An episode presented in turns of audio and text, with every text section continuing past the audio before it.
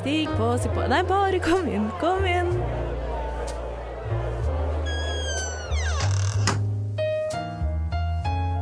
Her i lobbyen er det plass til alle sammen. Velkommen til lobbyen på Radio Nova.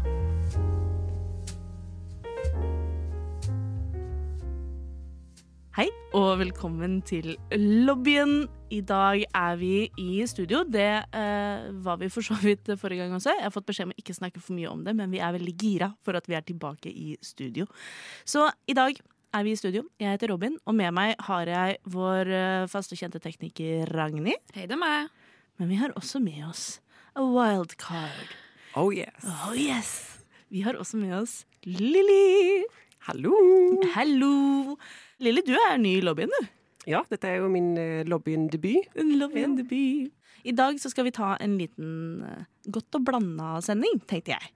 Eh, men aller først så må vi gjøre det vi alltid gjør, og det er å si hvem vi er. Så Ragnhild, hvem er du? Jeg er Ragnhild, jeg er fra Trondheim. Jeg er 25 og cis og skeiv og bruker eh, hun, henne. Eller hun, hun, henne. Jeg skal være ordentlig trønder.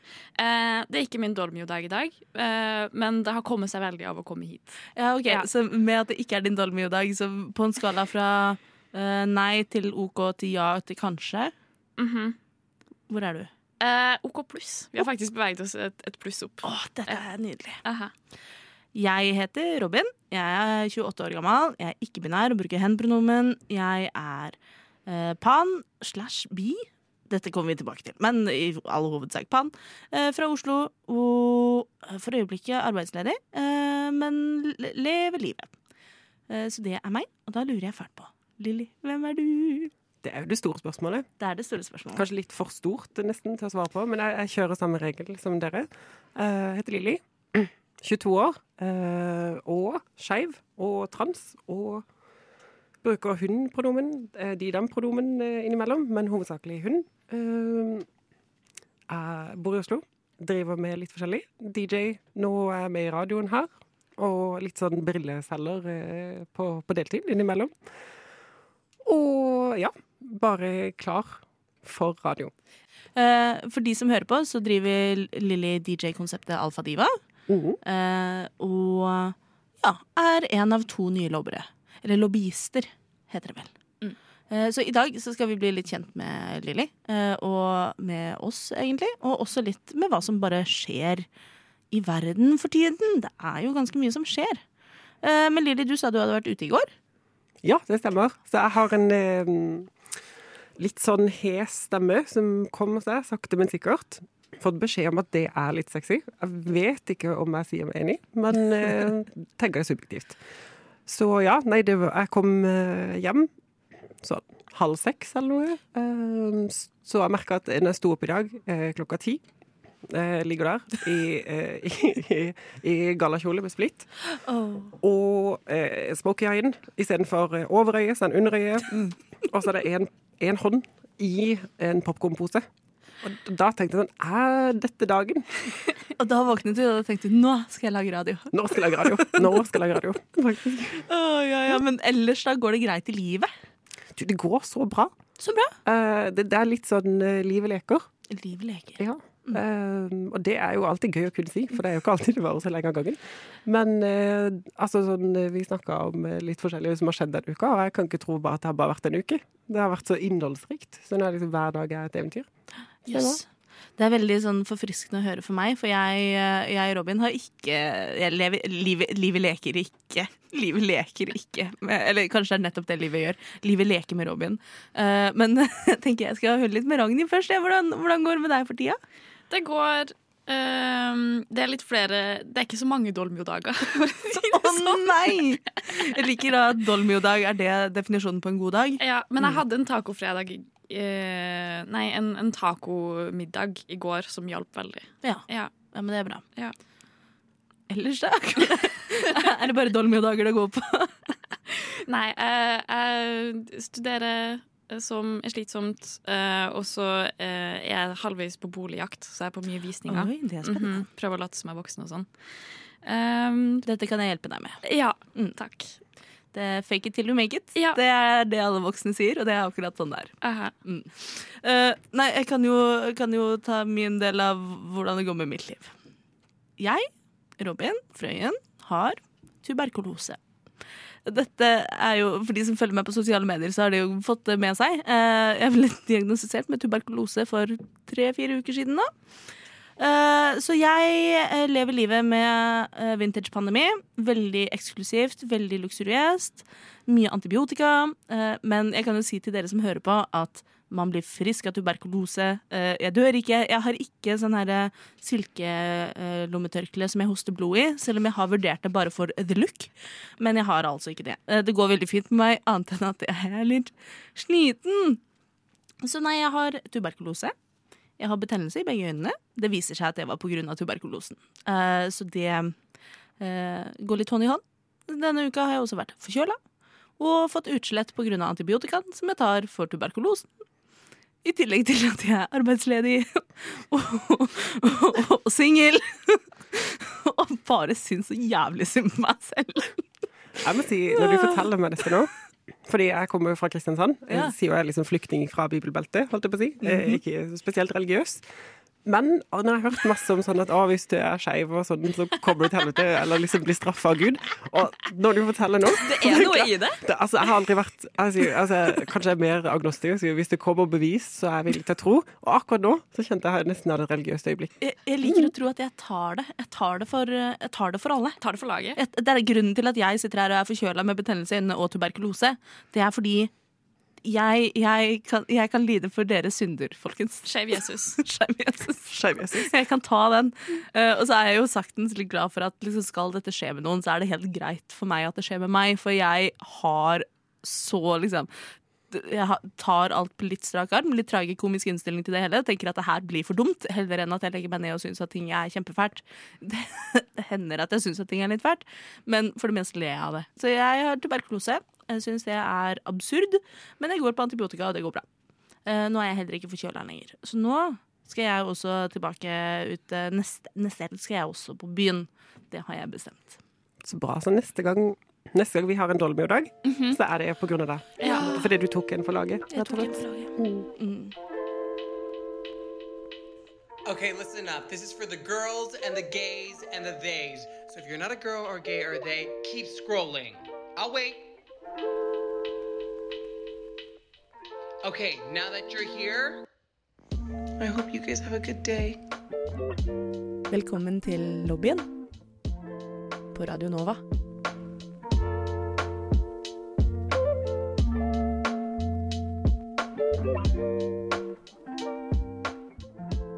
Forrige uke så skjedde det ganske mye rart. Men kanskje aller mest bemerkningsverdig så var det jo stortingsvalg på mandag. Hvordan gikk det, folkens? Pretty nice. Jeg er fornøyd. Pretty nice. Jeg er fornøyd. Foreløpig. Mm. Hva med deg, Ragnhild? Fornøyd. uh, kunne gått bedre. Kan alltid gå bedre. Kan alltid Eh, gå bedre. Men uh, totalresultatet var vi vel uh, Det var vi hadde håpa på, kanskje. Du sier Er det lov å si det på radio? Det, så lenge du sier det på personlig grunnlag. Ja, det er på personlig grunnlag, og også for skeives rettigheter. Det er også veldig lov å si. Ja, Men når du sier det kunne gått bedre fordi KrF kunne kommet over sperregrensa? eller ja hva jeg hadde du? så lyst! Ja.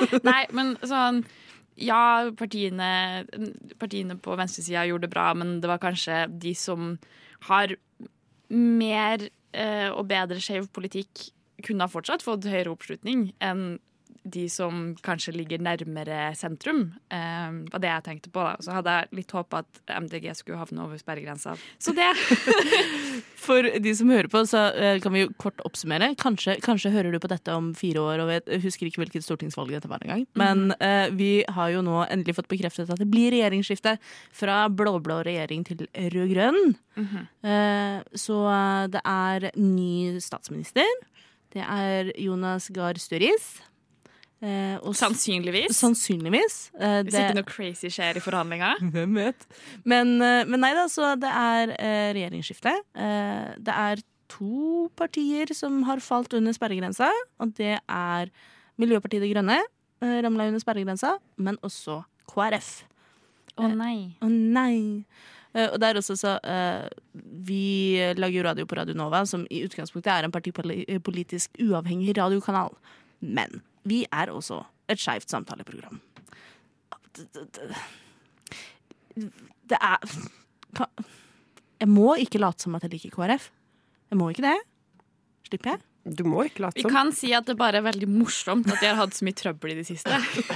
At det er litt morsomt. Det er ikke partipolitisk. Ja, For det Det er er jo et motbevis. Altså, hvis du bekrefter da Mm. eh, på en måte det at Gud straffer skeive Men så har jo på en måte Gud straffa KrF også. Gud straffer alle likt. Ja. Det er jo på en måte også egentlig et pluss for Gud, tenker jeg. Hvis han først skal gønne på å gjøre livet surt, så gjør det for alle. For det som skjer med KrF nå, er jo at ikke bare har de havna under sperregrensa, men partilederen for KrF, Kjell eh, Ingolf Ropstad, er jo ute i litt hardt vær. Ja. Fuska litt på skatten. Fuska litt på skatten! Mhm. Det, det syvende bud i Bibelen er 'du skal ikke stjele'. Eh, Kjell Ingolf tenkte at det var, det, kanskje det bare var litt mer sånn veiledende, Ja. som man kan ta til etterretning hvis man har lyst. Eh, så han går av som partileder, han. Mm. Olaug Bollestad Hun går nå inn som eh, Hva det heter Midlertidig Midlertidig partileder og Ja. midlertidig familie- og omsorgs... Integrerings? Inter- Men- Minister. Minister. Men, uh, og først så tenkte jeg sånn Wow, skal hun ha to ministerposter samtidig? Men så kom jeg på at det kommer ikke til å vare veldig lenge. Det går fint. Hun kan ta de ukene med litt hardt vær. Ja, og så har de jo allerede kuttet den ene ministerposten fordi det i utgangspunktet var familie- og likestillingsminister eh, i gamle dager. Eh, før Kjell Ingolf Ropstad trådte inn som eh, den ministeren og ikke ville jobbe med likestilling. Hadde ikke lyst. Han hadde ikke så lyst til å jobbe med de skeive. Han har jo også nektet å gå i pride. Eh, han er jo også kjent for det eh, infamøse sitatet 'Kan du bære én, så kan du bære to', når det er snakk om fosterreduksjon og tvillinggraviditet. så eh, Helt sånn upartisk, men for meg som en skeiv feminist det er, det er greit nå, det er greit nå, Kjell. Snakkes aldri. Vent, Ja. Sa du nettopp upartisk som skeiv feminist? Det er det mest partiske. Du, du nettopp sa eh, 'jeg har ingen tilhørighet', men jeg har disse to identitetene som, er- som er grunnen for min mening. OK, da. Men- Men jeg kjenner at på en måte, altså Olaug Bollestad, som, som på en måte er leder nå, det er jo litt som det nachet du ikke så godt på. Det er litt sånn Jo, men for det er liksom sånn Man sier jo 'gi seg mens leken er god'. Ja. Og leken har jo gått dårlig en stund, egentlig. Ikke veldig morsom lek. Eh, Nei, ikke spesielt god. Og så fortsetter de liksom å kjøre på. Det er liksom, du trenger ikke fireball klokka fire om natta. Nei, jeg tenker mer at her, er det, her, har de liksom, her har de dratt fram gitaren og begynner å spille Wonderwall. Å, fy faen! Å, jeg hater den personen.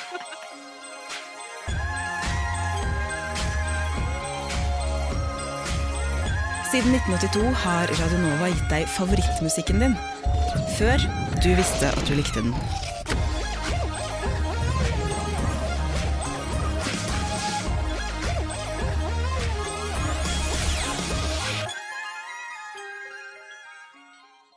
Det skjedde flere ting på mandag.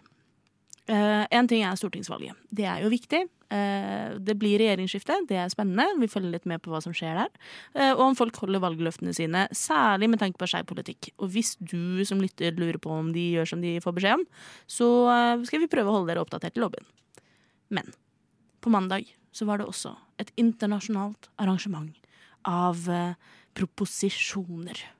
Preposisjoner. Nei, ikke preposisjoner. Proposisjoner. Okay. Det var på en måte preposisjoner òg. De sto jo både altså, Ved sto, og ja, på, på, på, ved, på, over under. rundt. Ja. Og dette er sånn god sånn norsk lektorhumor. Dette setter jeg veldig pris på. Uh, Lilly, hva, hva slags internasjonalt arrangement skjedde mandag forrige uke? Kan det være Met-gallaen? Det kan hende at det er Met-gallaen jeg tenker på. Hvis du skal oppsummere Met-gallaen med tre ord, hva er Met-gallaen for noe? Med tre ord. Bare tre. For de som aldri har hørt om det før. Mote. Ja. Ikonisk. Ah.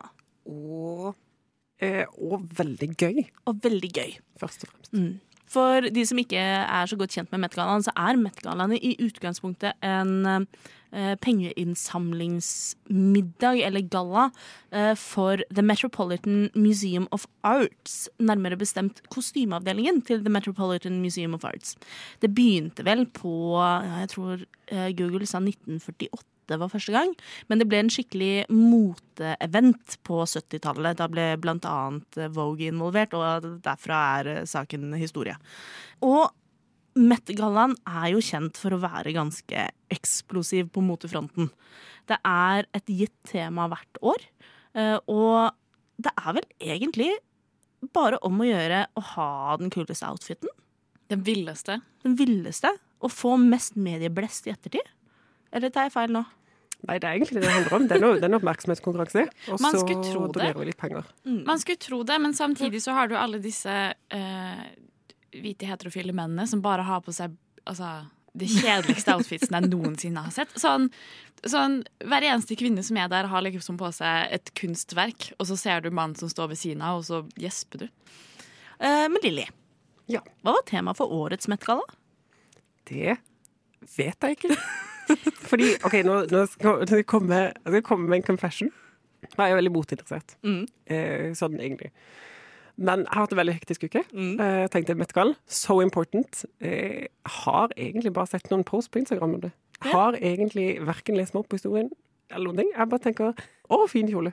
Å, kul greie. Vet eh, hvilken celebrity det er. Så jeg på en måte Har du nådd meg, så har du eh, Hvis Met-Gall er den oppmerksomhetskonkurranse, Mm. Så har du på en måte Jeg har kun fått med meg de som vant den konkurransen. Ja, ikke Ja. sant?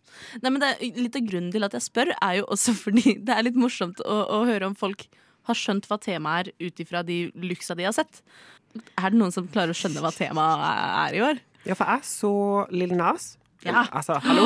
Det er uforglemmelig outfit. En vinner. En vinner, absolutt. Ja. Men det ene var jo egentlig det jeg ville beskrive som three, altså, 3PPO Si ho. Da klarer ikke jeg å si dette på C3PO. 3PO. Det var litt sånn Det var, ja, det var horete eh, cyborg, holdt jeg på å si. Ja. Uh, Lil Nas X hadde jo, uh, for de som ikke har sett det, et tre, en tredelt outfit. Kom først i en sånn veldig luksuriøs, nesten sånn kongelig gullkåpekappesak. Gull. Mm. Og så tok han den av. Og under så var det C3PO. Gullrustning eh, fra topp til tå, som igjen ble tatt av til en tettsittende catsuit i gulldiamanter. Og jeg syns jo også at dette er liksom Yes, you did it. You, did, you did it, babes. It's great. I love it. I'm here for it. I'm eating it all up. Men har det noe med temaet å gjøre? Eh, vet ikke. Jeg kan avsløre at temaet var amerikansk mote gjennom tidene. Det er jo det vageste noen har hørt. Det er jo og, Altså, USA har jo ikke noe Altså, det har jo ingenting. Det er jo Ja. bare en sånn potpurri av andres eh, kultur. It's a melting pot, som de alltid fortalte meg i engelsktimene. Smeltedigel? En smeltedigel. Digel? Ja, en smeltedigel. Uh. Oh. Eh, men, men nå som du vet temaet, Lilly, gjør det deg noe klokere? N- eh, Ja, litt. Ja. Eller ikke nødvendigvis så fryktelig mye mer. Det, det er litt sånn av og til hvis du ser på kunst, og så tenker du ah, dette er jo fint. Og så er det noen som forteller hvordan det ble lagd, så tenker du ah, OK. Ja. Det er fortsatt fint. Så jeg føler meg litt i samme. Men for et kjedelig tema. Ja. Jeg tenker at Jeg det, det er liksom en av de største moteeventsene, og vi har altså Anna Wintour, Mhm. gudinne, liksom, på toppen der. Og så klarer de ikke å komme på noe bedre enn det. Og det var vel også ikke i, i fjor, så hvorfor tok de ikke liksom sånn Ja, for i fjor så og var det dobla det jo opp nå? I fjor så var det avlyst pga. Av pandemi. Eh, Tema pandemi. Åh, det hadde jo vært så kult. Men jeg har lyst til å snakke litt om de ulike looksa som var. For det var jo noen som eh, var veldig kule looks. Altså blant annet Lill Nas X sin look, eller sine flere looks, var veldig kule. Eh, men kanskje ikke så on theme. Eh, men jeg, jeg, har, jeg har skrevet en liten liste. For jeg, av en eller annen grunn, jeg er jo egentlig ikke et sånn Met-gala-menneske, men i år så har det på en måte Det fanga deg? det fanga meg, men også sånn Jeg tror jeg bare følger nok ulike kontoer på Instagram og TikTok til at det bare havnet i min scrollerutine på mandag, tirsdag og onsdag. Men Ragnhild, du var inne på noe. Og det er jo disse hvite gutta. Eh, og disse hvite gutta, hva er det de har på seg? Eh, de har på seg en svart dress og enten et slips eller kanskje en sløyfe. Ja. Og det er så spennende det blir. Det er så spennende det blir. Tenk, Dette sier jo mye om min algoritme. mm. Fordi jeg har ikke fått med meg at det var eh, masse hvite cis-menn i dress. For å være helt ærlig så gikk jeg inn og søkte liksom sånn all the uh, Met Gala looks. Bare Oh. sånn for å se gjennom og judge litt. Men, men de hadde aldri havna på feeden min. Nei, ikke sant. Nei, det hadde vært flaut. Det hadde vært Det hadde vært veldig flaut. Jeg tenker, det kan, altså En dress kan jo være et statement, Ja, det er nettopp det det kan. men ikke hvis alle går med det. Men også med tanke på det temaet, um, fordi jeg så um, en liksom forklaring av hva temaet handla om, så uh, var det 'American Designers Exploration of Big Ideas like Diversity, Sustainability, Body Inclusivity and Gender Fluidity that inspired this year's dress code'. Det høres jo egentlig litt kult ut. Ikke sant? Uh, så jeg syns det sånn sett litt skuffende hvor få det var som hadde på kjole. Flere hvite cis-menn i kjole. Ja, rett og slett. Mm. det var, hadde vi noen menn i kjole? Vi hadde noen. Vi hadde noen. Ja, det var han, han um, Troy Yes. Sivan. Han har jeg skrevet ned. Uh, Troy Sivan er jo en av mine favoritter. Han fulgte jeg på YouTube back in the day. Han er jo eh, popmusiker, uh, men i utgangspunktet sørafrikansk? Nei, australsk? Ja, eh, begge deler. Eh, Født i, født i Sør-Afrika. Han var barneskuespiller i Sør-Afrika i sin oppvekst. Og så flyttet til eh, Australia og ble musiker. Han er jo også skeiv. Han gikk i en ettersittende svart kjole. Veldig uh, skin tight. Ganske- Veldig ho. veldig ho, ganske dypt utringa. Eh, veldig inspirert av heroin chic eh, motetrenden på 2000-tallet. Eh, altså typisk den trenden som var på tidlig 2000-tall, hvor det var litt om å gjøre å se ut som at du var en utsulta rusmisbruker. Typisk eksempel på dette er sånn Kate Moss-type mote og lavtsittende jeans, men også sånn at man ser litt sliten og utsulta Men de var vel egentlig både utsylta og rusmisbrukere? Ja, Ja. Så ja, jeg har, ikke, jeg har ikke så mye mer å legge til der. Kult. Eh, så han gikk i kjole. Who's the winner? Jeg syns at Nikki Dieger vant, også kjent som Nikki Tutorials. Hun er jo YouTuber. Hun er, å, nå rister Lilly på armene. Nei, nei, ikke som i fornektelse, men i entusiasme. Ja. Fordi det var en helt rå kjole. Ja! Og det var Å, dette husker jeg. Dette kom tilbake til meg Ja. nå, eh, denne Instagram-posten. Har du lyst til å prøve å forklare, for vi lager jo radio, hvordan så denne kjolen ut? Ja, de beste bildene er på radio. Det er jo det de sier. Ja. Eh, eller det er i hvert fall det jeg sa nå. Eh, Et, eh, et bilde er ikke like bra som tusen ord. nei, definitivt. uh, men det var Det er vel Marsha P. Johnson, right? Yes. Ikonisk eh, transkvinne og aktivist Mhm. fra um, Stonewall-opprøret.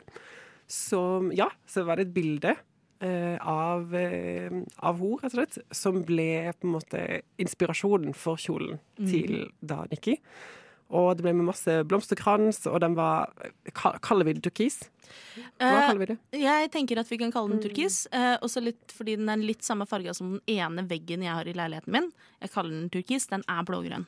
Den er jo eh, på en måte egentlig en ganske sånn klassisk eh, gown, holdt jeg på å si. Ja, litt sånn mermaidy. Mermaid dress, og så en liksom eh, drapert over hele. Det ser ut som en Disney-prinsesse. Ja. Ja.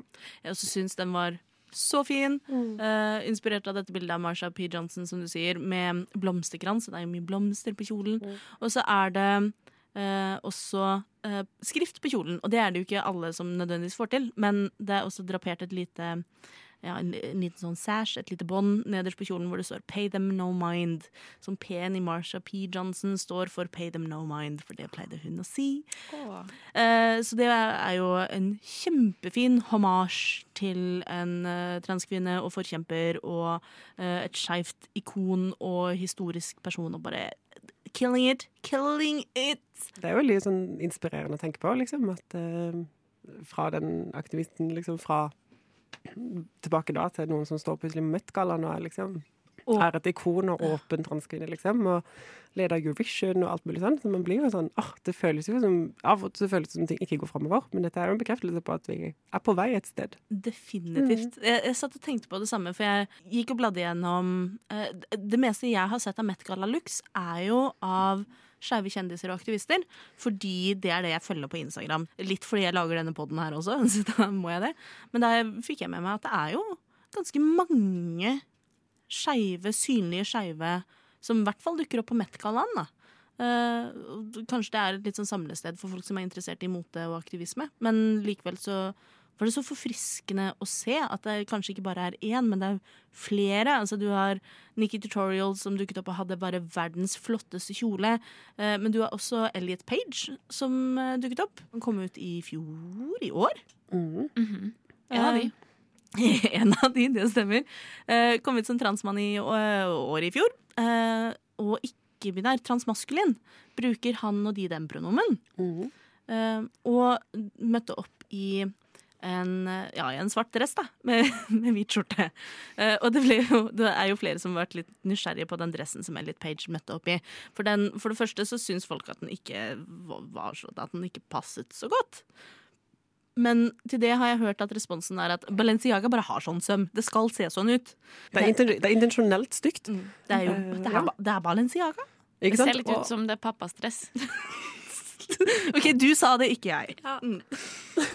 Men det som, er, det som var fint, da, var jo sånn her, hvis du ser en sånn sammenligning liksom, fra, mm, fra før Elliot kom ut, så kan du bare se det nesten sånn, du kan se det i hele liksom, på hele personen liksom, i øynene. At sånn, åh, du er så mye lykkeligere nå, liksom. Ja. Jeg så et par sånne sammenligningsbilder, og jeg er helt enig med deg. Det er så, det er så deilig å se. Da. Men også Elliot Page viste respekt til en annen skeiv eh, kulturperson fra gamle, gammelt av. Eh, og det var det ikke så mange som nødvendigvis plukket opp på helt instinktivt, men Elliot Page hadde en grønn rose i knappehullet. Og det er et av kjennetegnene til den britiske forfatteren Oscar Wilde. Eh, som også var kjent for å være den første homofile synderen. eh, som virkelig liksom eh, Jeg holdt på å si populariserte homofobi, det er jo ikke helt riktig. eh, men som var med på å starte en stor diskusjon og samtale rundt homofili i Storbritannia på sin tid. Jeg tenker det er jo, altså, Nå er det jo en Met-gala-setting, så da kan vi være veldig kritiske. Men jeg tenker sånn generelt så er det jo fint å se liksom skeive personer som er offentlige i både liksom eh, Lille Nas som kommer Ekstravaganza. i ekstravaganza, liksom, men også at det kan være så nedtona og klassisk på en måte at man kan eh, være alle mulige variasjoner. Men det er jo egentlig så rart, når du nevnte i stad at det liksom at det, det er nå så mye skeiv representasjon i moteverden. Så jeg, Det er jo ikke egentlig noe nytt. Altså sånn, Moteverden har jo bestått av skeive mennesker. I, det har vel kanskje vært eh, stedet der det faktisk er lov, men at det har vært sånn OK, vi putter det på folk som folk er komfortable med at det er ute. Mens nå er det liksom mangfold er bra. Så alle disse menneskene som har vært i moteverden alltid, får nå lov til å komme ut og faktisk vise hvem de er og hva de gjør og sånne ting, uten at vi putter det på noen andre som er mer akseptable å se på. Mm. Megan Ja. Rapinoe hadde en eh, veske hvor det sto 'In gay we trust'. Jeg vet det, jeg har skrevet ned Me- Megan Rapinoe også. Aha. Uh, hvem, er, hvem er Megan Rapinoe, for de som ikke veit det, Ragnhild? Eh, amerikansk fotballspiller. Veldig flink, veldig gay. Megan Rapinoe er grunnen til at jeg fulgte med på kundemesterskapet i fotball her for et par år siden. Det, jeg oppdaget fotball litt gjennom Megan Rapinoe og hele det amerikanske kvinnefotballaget. Jeg er egentlig ikke noe sportsinteressert, men god damn! God damn!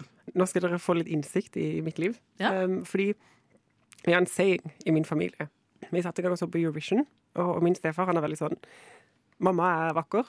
Eh, det er, de er jo sammen, og så er det meg. Og det er bare sånn for å sette scenen. Vi sitter og ser på Eurovision, og så er det jo sånn introduksjon før eh, de begynner å synge. Og så sitter vi og ser på dette. Og min stefar han, han snakker aldri om andre damer. Det er kun min mor. Og that's it. Godt oppdratt. Godt oppdratt. Det er jo, det er jo litt sjarmis, da. Deilig sjavis. Ja. Og så sitter vi der, og så kommer dette så vakre mennesket, eller den nydelige dama, Mm. og liksom introduksjonen og sånn. Og så sier han en Freudian slip, holdt jeg på å si. Han sier bare Åh, hun var skikkelig flink til å synge. Og så har hun ikke begynt å synge ennå!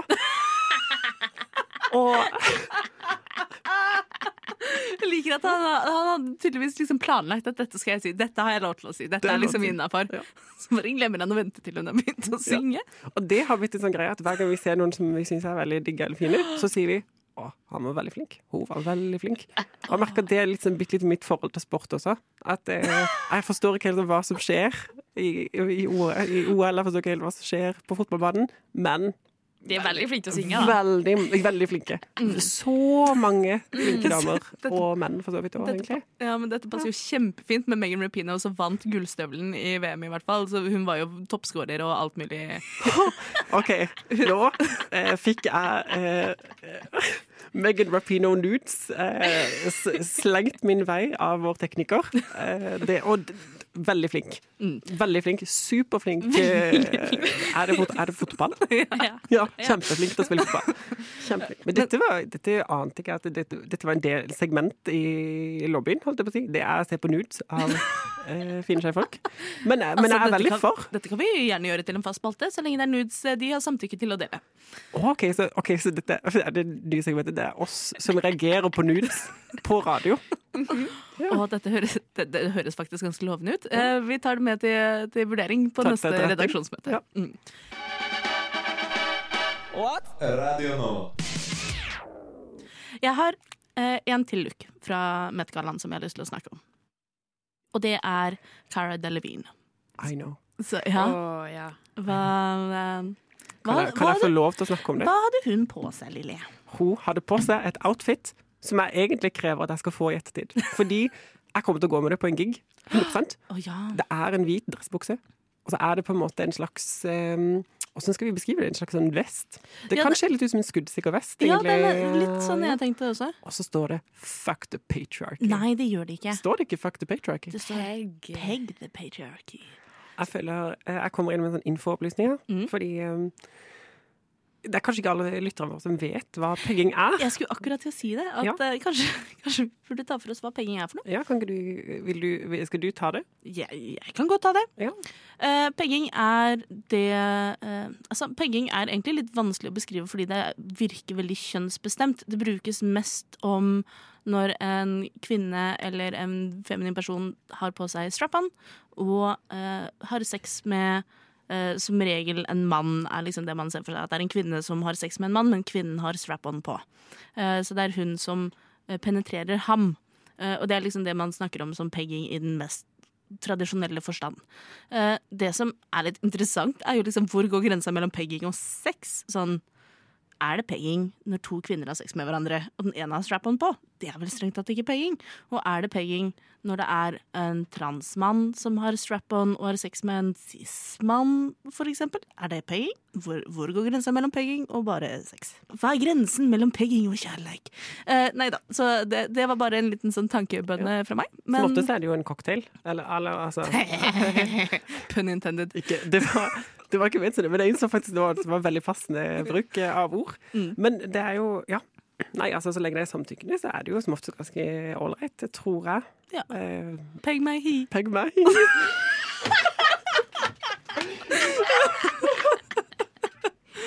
OK. Før vi begynte å ta opp, Det er jo typisk sånn dårlig radio, eh, radiooppdragelse. Men før vi begynte å ta opp, så snakket vi litt om, om livet og Tinder og alt mulig. Um, så da, Lilly, kan ikke du fortelle Kan ikke du gi referanse til hvorfor vi flirer? Jo, jo, jeg kan forklare konteksten her. Mm. Eh, Så uh, vi snakker om Tinder. For jeg uh, vet ikke helt sånn hva, hvor, hvordan, hva det er med utformingen av min Tinder. Men hvis jeg av og til åpner opp for menn, så, så matcher jeg med en del. Og alle samtalene der, på et eller annet tidspunkt, snur til at de begynner å si hi-hi. Og, og det- er alltid fordi at de vil at jeg skal pegge dem, eller trykke på de. Og, og det, det er liksom blitt så, så da begynte vi å så, Eller det derre simp-emojien, liksom. Ja, ja. Men, men eh, ja, så nå har vår greie blitt uh, Uansett hva man sier, så må man legge på hi. Så det er liksom Ja. Hva var det, vi, hva det du sa for noe sånn Kveld meg, hi. Pegg meg hi. Kast meg til veggen, hi. Kall meg Solveig. Hihi. Kast meg, meg, hi. Ja, så derfor Uh, så da passet det jo veldig fint at uh, Cara Delevingne gikk med en Peg the Patriarchy-outfit på Met-gallaen. Pegg patriarkatet.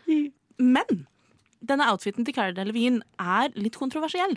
På øh, flere grunnlag, egentlig, men kanskje aller viktigst så er det at øh, frasen 'peg the patriarchy' er trademarket. Og det er ikke trademarket av Cara Delevingne.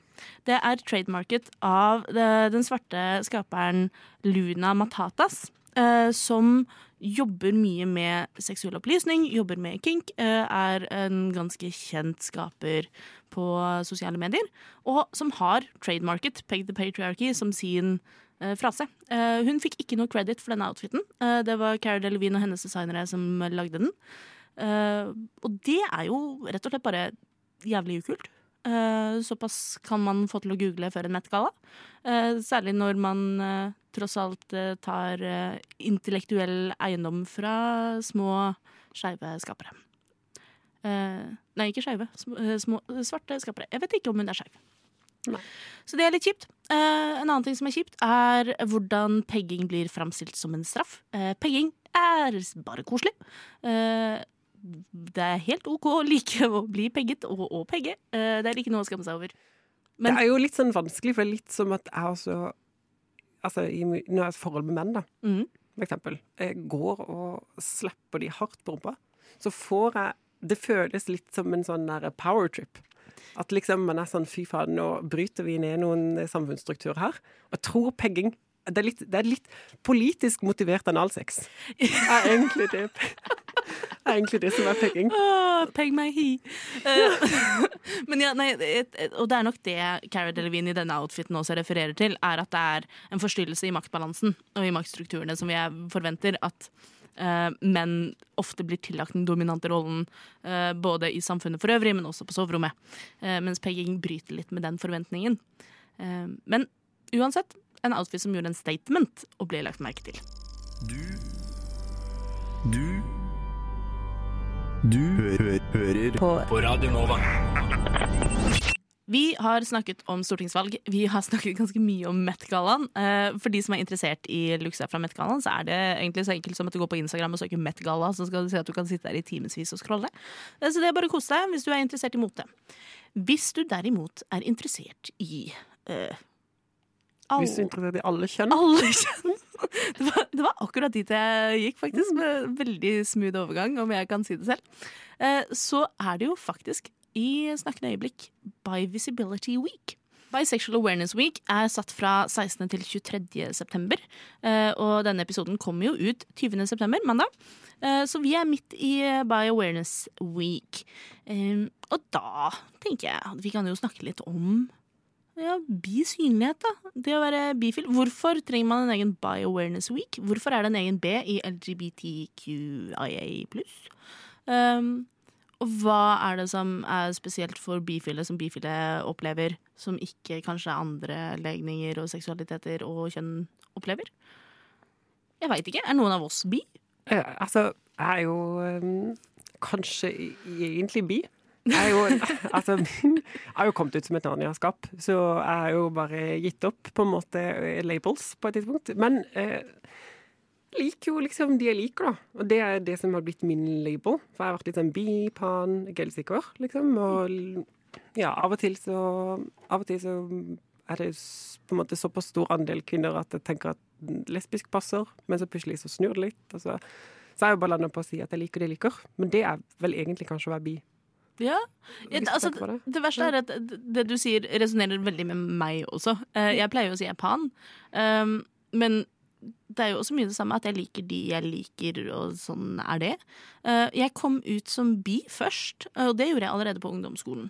Og så har jeg prøvd litt sånn i forkant av denne sendinga å finne ut av hvordan jeg fant ut av det. Sånn, hvordan landa jeg på at jeg var bi, og at det var liksom greit, og at det ikke var noe problem. I min virkelighet så var legningene hetero, homo, bi var liksom såpass etablert i bare samfunnsdiskurs og i eh, kultur at for meg så var det ikke Det var ikke noe sånn at jeg ikke visste at bi fantes. Jeg føler at jeg alltid har visst på et tidspunkt at bi fantes. Og så er det etter hvert som jeg har blitt voksen, at jeg har lært om uh, alt fra aseksualitet til demiseksualitet til polyamorøse relasjoner og pan og uh, ja, liksom alt, alle denne disse regnbuene. Um, men da jeg var yngre, så var det veldig enkelt. Homo, hetero eller bi. eh, og jeg landa på bi. Og det var greit. Hvis du tenker at er hetero å kjøre én fil hetero, Du kjører heterofil, ikke sant? Mm. Og hvis du kommer som homo, så bytter du på en måte fil. Mm. Mens bi er jo litt som å velge å kjøre i flere filer samtidig. Så det er kanskje en litt sånn Trafikkfarlig. Eh, litt trafikkfarlig, ikke minst. Eh, absolutt. Men, men det er veldig sånn Det er jo på en måte Iallfall for min del, når jeg kom ut som bi, så var det veldig sånn Det føltes som en tilleggsopplysning. Det var litt sånn Ja. Men jeg tror kanskje det jo er en sånn Det er jo derfor det blir litt usynlig ofte. Det er jo det med altså, usynlighet i Og med det å være bi er jo veldig stort, egentlig, fordi at ja, fordi man liksom ikke havner helt inn i noen av kategoriene. Så er man liksom ikke hjemme hos de heterofile, og heller ikke hjemme helt i det skeive miljøet alltid. Jeg, håper, jeg merker jo at det begynner å åpne seg mer opp i det skeive miljøet nå, da. Så det er veldig fint å, fint å se. Men man, og spesielt sånn de som er bifile, men i heterofile forhold, Yes. er det jo mange som uh, har en venninne nå som Hun har liksom følt seg usynlig eh, veldig mye tida. Eh, jeg, sendte, jeg sendte henne faktisk den By Wife Energy-låta. Yes. Eh, og det var sånn, hun bare åh, Så deilig med den synligheten, liksom. For det eh, å liksom ha et navn for eh, hvordan på en måte også den, den mannen er i forhold til henne, liksom. Sånn, bare sånn, hun syntes det var skikkelig godt å føle seg sett. Så jeg tenker at det er mange bifile som går rundt og føler seg veldig sånn usynliggjort. Ja, for der er du inne på noe veldig veldig viktig, og det er nok derfor det er viktig å ha ting som Bio Awareness Week og eh, internasjonal bifildag og liksom alt det her på lik linje med annen skeiv opplysning. Da. Og det er fordi ikke bare er bi erasure, som man kaller det, altså utvisking av bifile, eh, en realitet både i media og i skeiv diskurs. Eh, Men også bifile er majoriteten av LHBT-miljøet. Eh, Statistikk viser at ca. 50% av de som definerer seg som LHBT-personer, er bifile. Og her sitter vi også i studio og er eh, to av tre som også identifiserer oss som bifile. Uh, Nå skal jeg ikke legge ord i munnen din, Ragnhild, men uh, Jeg brukte å være bifil, du har, hvis det hjelper. du har også vært Du har vært innom. Ja, ja, ja. Og jeg tror kanskje det er jo utfordringen for de mange som finner ut at de er på en måte het, altså homo eller lesbiske eller Skeive. Ja. Jo, men de som, ja, men som på en måte en, at For mange så er bi en overgangsfase, men for mange så er det jo ikke det. Så det er ofte litt sånn at Jeg kan jo skjønne ut ifra liksom det perspektivet, hvis man kommer ut som bi, og så finner man ut at man tilhører helt på enden, så tenker man åh, jeg hadde også den prosessen. Men noen er det ikke en prosess, det er bare det som er endepunktet, holdt jeg på å si, eller der man faktisk ender opp. Så, og det som jeg syns er rart dette, nå, skal jeg, nå, skal litt, uh, nå skal jeg komme med en mening. Uh. Men, Ja. men det som provoserer meg mest, som jeg har sett, det er uh, altså, både lesbiske og homofile som er frustrerte fordi de er single, og så prøver jeg ikke å være- Det er veldig få predatory mennesker, men noen tenker sånn, de blir forelska liksom, i noen som er hetero, og tenker OK, men kanskje liksom eh, de er villige eller whatever liksom, til å gå over. Men så sier de å nei, jeg vil ikke date bifolk. Ja. For bifolk er liksom eh, Vi tilegner jo masse rare, rare karakteristikker. Vi er så upålitelige. Ja, altså, jeg er jo både eh, upålitelig og, og, og flørtete og, og alt, men det har ikke noe med å bi å gjøre, det har bare noe med meg å gjøre. Og, det liksom For der tenkte jo du måtte ikke Da ble det krass, eh, men, Men, men, du er litt sånn motpoler på akkurat det der, tror jeg. I hvert fall for øyeblikket. akkurat for øyeblikket så er vi Ja, vi er to ekstremer. Ja, du har jo helt rett i at det er en bifobi ute, kanskje, kanskje litt sånn ekstra i det skeive miljøet. Eller jeg har kanskje lagt mest merke til det i det skeive miljøet, da. Eh, Men hvor det er en liten tendens til at noen Nå skal jeg ikke liksom Det er på ingen måte alle, og kanskje heller ikke på noen måte en majoritet, men det er ofte noen som høyt og tydelig sier ifra om at 'nei, jeg vil ikke date noen som er bi'. Eh, og så spør du hvorfor, og så er det liksom sånn Ja, nei, men de klarer aldri å bestemme seg, eller nei, de har aldri nok erfaring, eller nei, de, Det er alltid liksom Det er alltid en eller annen sånn bullshit-unnskyldning. Sånn stereotyp. ja, Og det stemmer jo ikke med realiteten. Nei, ikke altså, det hele tatt. You're missing out på some great experiences, liksom. Exactly. Ja, Spesielt sånn lesbiske som er sånn åh, det er så få for meg å date, og så har de ikke lyst til å date bifile pga. masse bullshit. Unnskyldninger. Altså, skjerpings. Jeg får lyst til å ta en sånn uh, hun Edna fra De utrolige. Sånn der, Edna eh, mode! Put yourself together, liksom, og slappe de og bare være sånn Herregud, look at the options! Det er liksom Sitte der og fyrte sånn Å, nei, jeg har bare noen smuler igjen. Og så er det bare sånn Det er en buffé rett ved siden av deg. Du gidder ikke å spise. Fuck off. Ja. Nei, sorry. Ja, nei, men jeg, jeg, er, jeg er helt enig, og jeg syns, syns sånn her liksom, elitisme innad i LHBT-miljøet, hvor det er sånn Nei, men uh, du må være gold starred lesbian, altså sånn bare ligget med kvinner for å i det hele tatt være lesbisk, eksempel, er jo også en annen type ting som liksom går igjen. Og at du har denne typen hierarkiske inndelinger og gatekeeping, altså at folk mener at de skal bestemme for deg hva du har lov til og ikke lov til å identifisere deg med. Det er, bare, det, det er bullshit. Det må vi slutte med. Det er for barnslig, det er helt unødvendig, og det er liksom Noens legning sier ingenting om hvem de er som menneske. Well, to be honest, I'm a hetero guy, but I really try to be a good ally. And it ain't no secret, let me tell you why. It's because I love my wife, and my wife is bi. Velkommen til lobbyen på Radio Nova. He has bi wife energy. Det som ofte frustrerer meg når det kommer til eh, liksom bifil-representasjon, er at jeg nesten aldri finner det.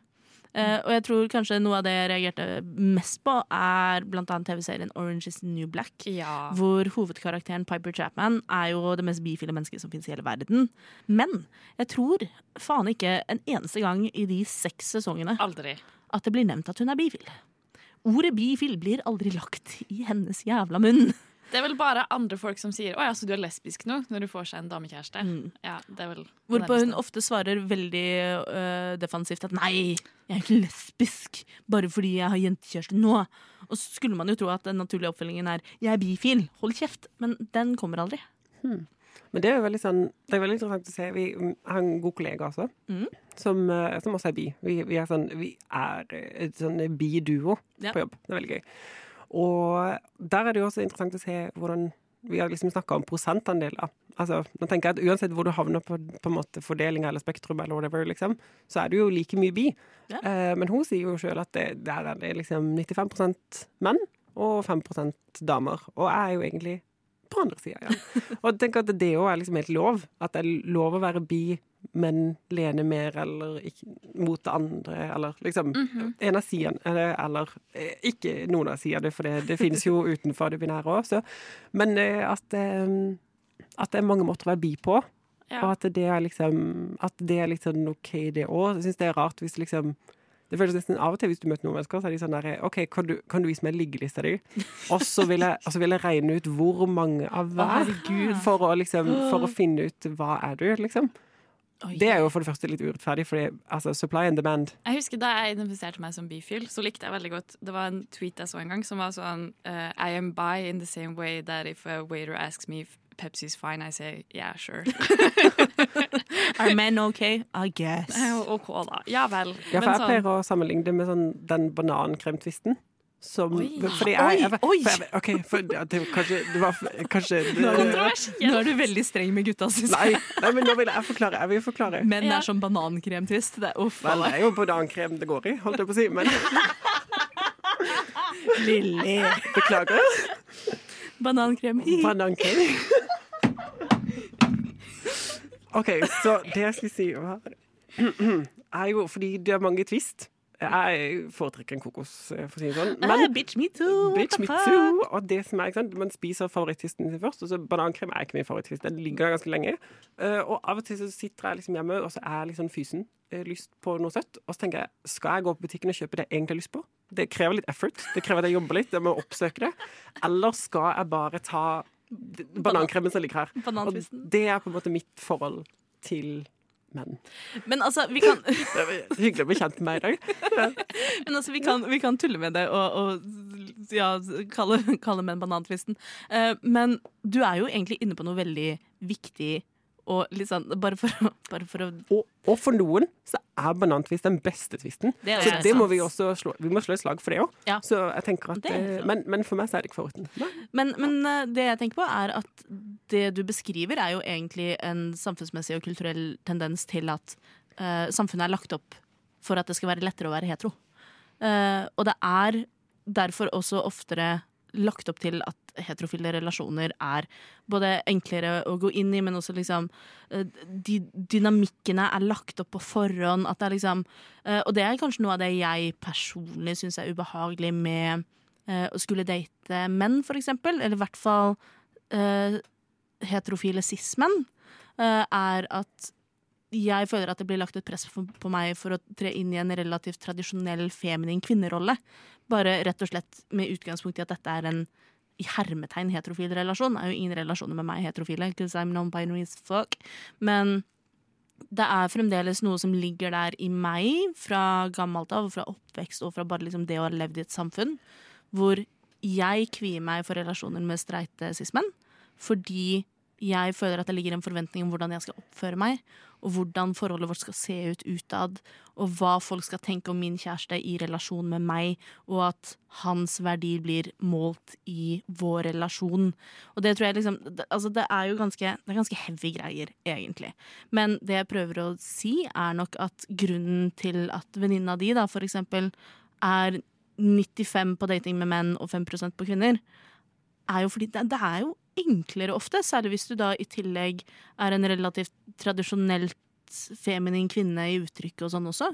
Så er liksom, det er ikke så, det er ikke så komplisert, da. Og, og ja, det, det er mye banantvist, liksom. Det er mye banantvist, Men jeg tenker at, at det er liksom det som er det fine med skeive relasjoner, som, som jeg føler er likt, uansett om på en måte det er med menn, kvinner eller ikke-binære, eller whatever, liksom, så er det litt det at man Hvis man har brutt liksom, de reglene og på en måte det, de forventningene, så lager man de ut ifra hvem man er, og hvordan man passer sammen, og ikke hvordan man skal være.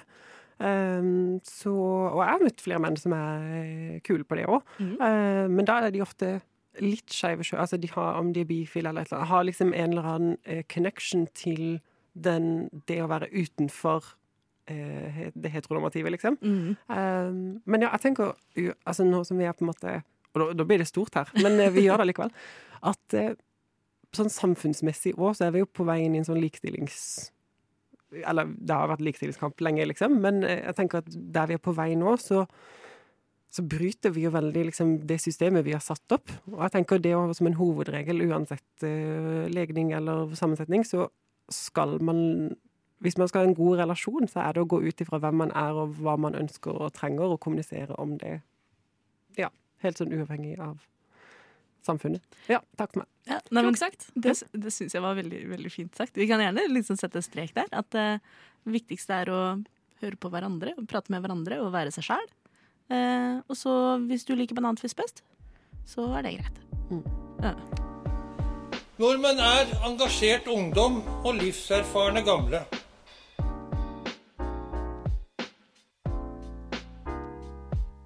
Nordmenn er jenter som er glad i jenter, gutter som er glad i gutter. Og jenter og gutter som er glad i hverandre.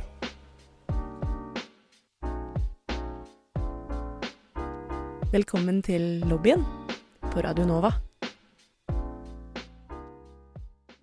Så vi var, inne på, vi var inne på Piper Chapman fra Orange is New Black, som aldri egentlig får lov til å si at hun er bifil. Det er kjipt, eh, men det er jo heldigvis ikke den eneste bifile personen som blir representert på TV i dag.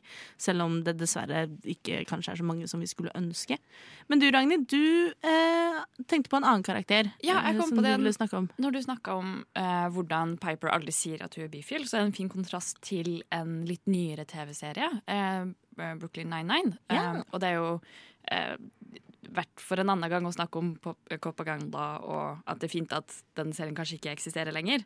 Eh, eller at den la opp. Men det er veldig fint det at eh, Rosa som karakter uh, sier ordet bifil, uh, og vi får liksom se um, Åh, nå mista jeg det helt. Men hele historien er veldig sånn anerkjennende av det å være det, Opplevelsen av å være bi, da. Ja. Og liksom, det, det er bare en så fin eh, Ja, jeg syns bare hele liksom, representasjonen er veldig fin også. Mm. Også det at de, de liksom også jevnlig tar opp det at sånn, folk ikke vet helt hva, altså hvilket kjønn hun dater og sånn òg. Mm. At det jo liksom er bare sånn Ja, er det det eller det, eller han eller hun, eller liksom Det er det jeg liker veldig godt. at- Anybody could be your day. Everybody could be your day. Så. Aha. Men det er veldig sånn åh, åh, Ja, Rosa er en sånn fin ting. Og så syns jeg det er bra når vi har skeiv representasjon i f.eks. et humorprogram, Ja. som på en måte blir en litt mer sånn det blir så fordøy, fordøyelig, jeg vil si, men, men litt sånn at man kan se det på en litt sånn avslappa måte. òg. Det er ikke så alvorlig.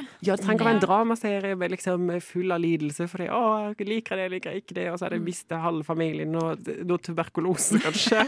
det spørs jo eh, hvilken periode det er. Det, Men, eh, livet mitt er et, eh, er et tragisk periodedrama, er det den prøver å si? Ja, faktisk. Ja, Men det er jo ja. Mm.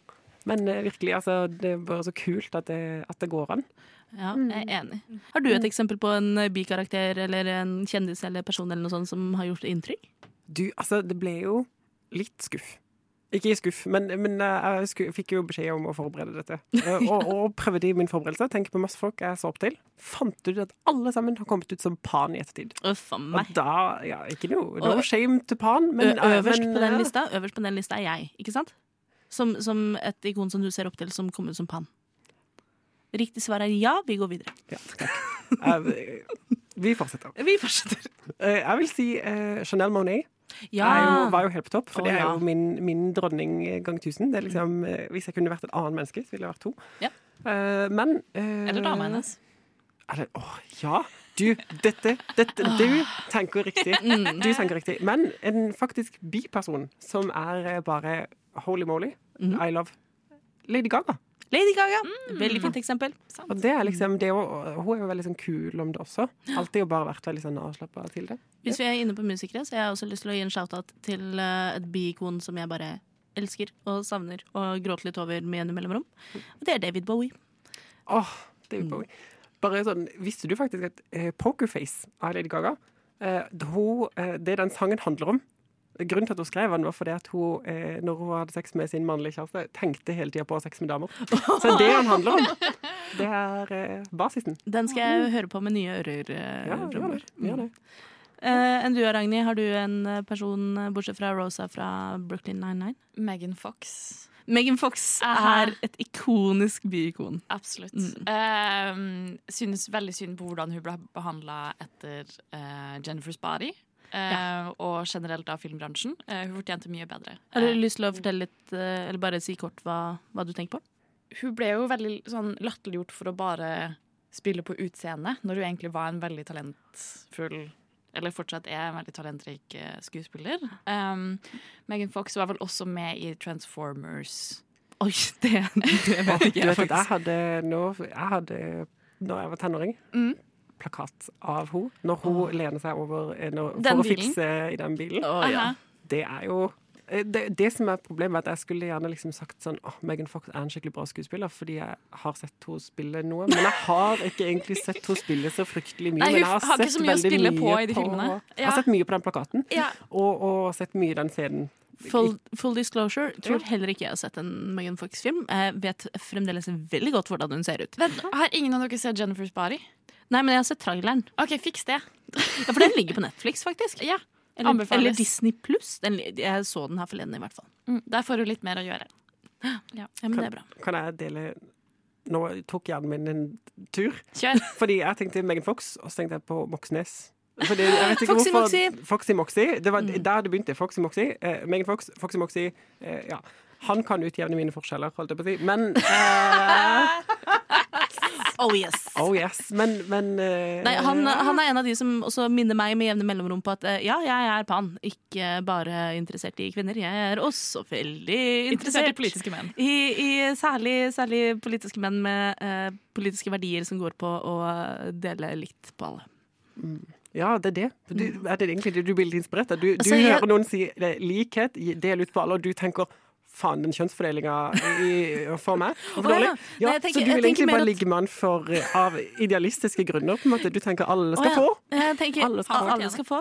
Uh, ja, men også litt den her ideen om uh, yt etter evne, få etter behov. Den er fin å ha med seg på soverommet. Uh, og jeg ser også for meg at uh, det, det er noen som, som kan å prioritere alle involvert. Du lytter til Radio Nova.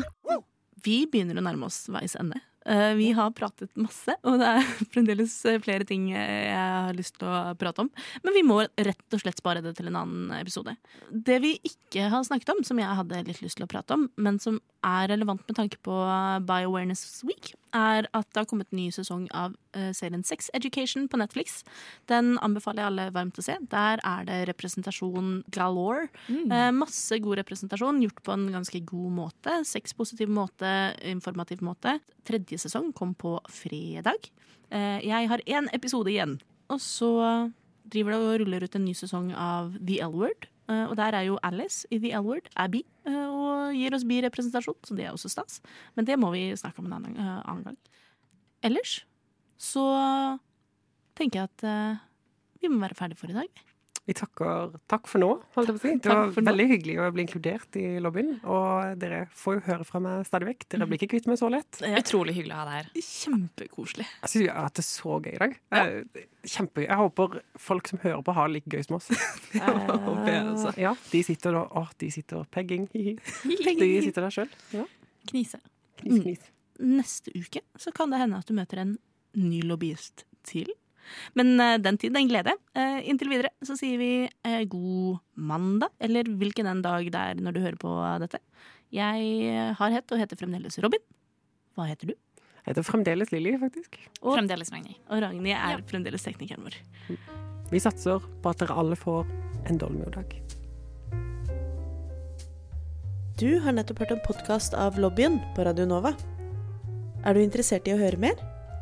Du finner oss på Lobbyen på Facebook eller på Instagram under lobbyen.nova. Der kan du også sende inn spørsmål eller temaer til fremtidige episoder. Vi slipper episoder hver mandag og er å finne på lufta på Radio Nova mandager klokken fem.